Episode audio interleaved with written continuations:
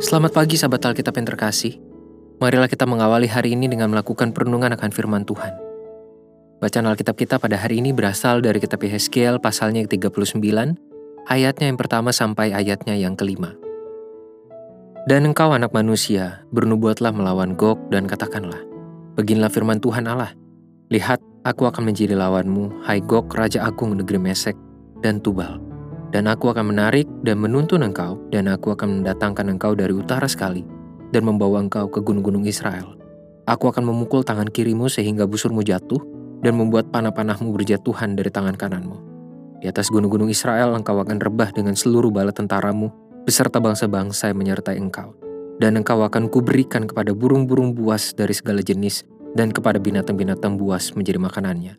Engkau akan rebah di padang, sebab aku yang mengatakannya. Demikianlah firman Tuhan Allah. Formula nubuatan untuk melawan Gog kembali muncul pada pasal 39. Tuhan untuk sekali lagi menegaskan keputusannya untuk melawan Gog sebagai wujud penyelamatan yang ia berikan bagi umat Israel. Hal yang menarik di dalam kelima ayat ini adalah Tuhan terkesan sebagai pihak yang secara sengaja mendatangkan kecelakaan bagi Israel dengan menuntun Gog kepada Israel itu sendiri.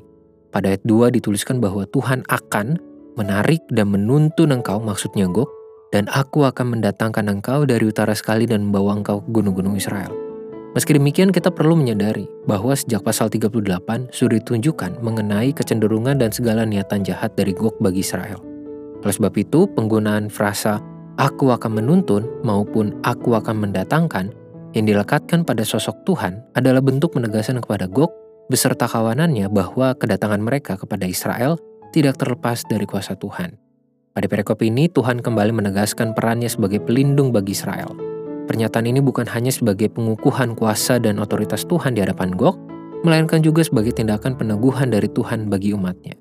Tuhan menunjukkan bahwa ia tidak tinggal diam melihat umatnya menjadi target kejahatan. Bahkan Tuhan sendirilah yang berperang untuk membela mereka. Sahabat Alkitab, perenungan ini mungkin terkesan terlalu abstrak, secara khusus bagi setiap kita yang sedang mengalami pergumulan berat.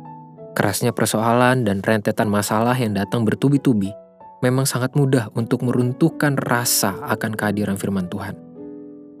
Di tengah kondisi seperti ini, seorang manusia akan sangat mungkin bertanya, "Di mana Tuhan?"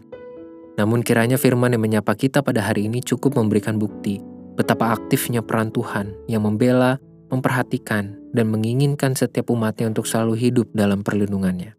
Tuhan tidak pernah menahan diri untuk mewujudkan kasih bagi setiap umat yang menyerahkan dirinya harapannya, dan imannya kepada Tuhan. Bahkan di tengah kesulitan sekalipun, kasih Tuhan akan selalu tersalurkan. Marilah kita berdoa. Tuhan firman-Mu pada hari ini telah untuk sekali lagi menegaskan kepada kami betapa nyatanya karya Tuhan, betapa besarnya janji dan kasih Tuhan yang selalu tersedia bagi kami. Mampukan kami untuk selalu merasakan betapa besarnya cintamu bagi kami Tuhan.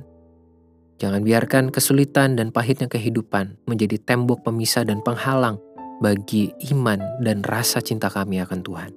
Hanya di dalam nama Tuhan Yesus kami berdoa dan memohon. Amin.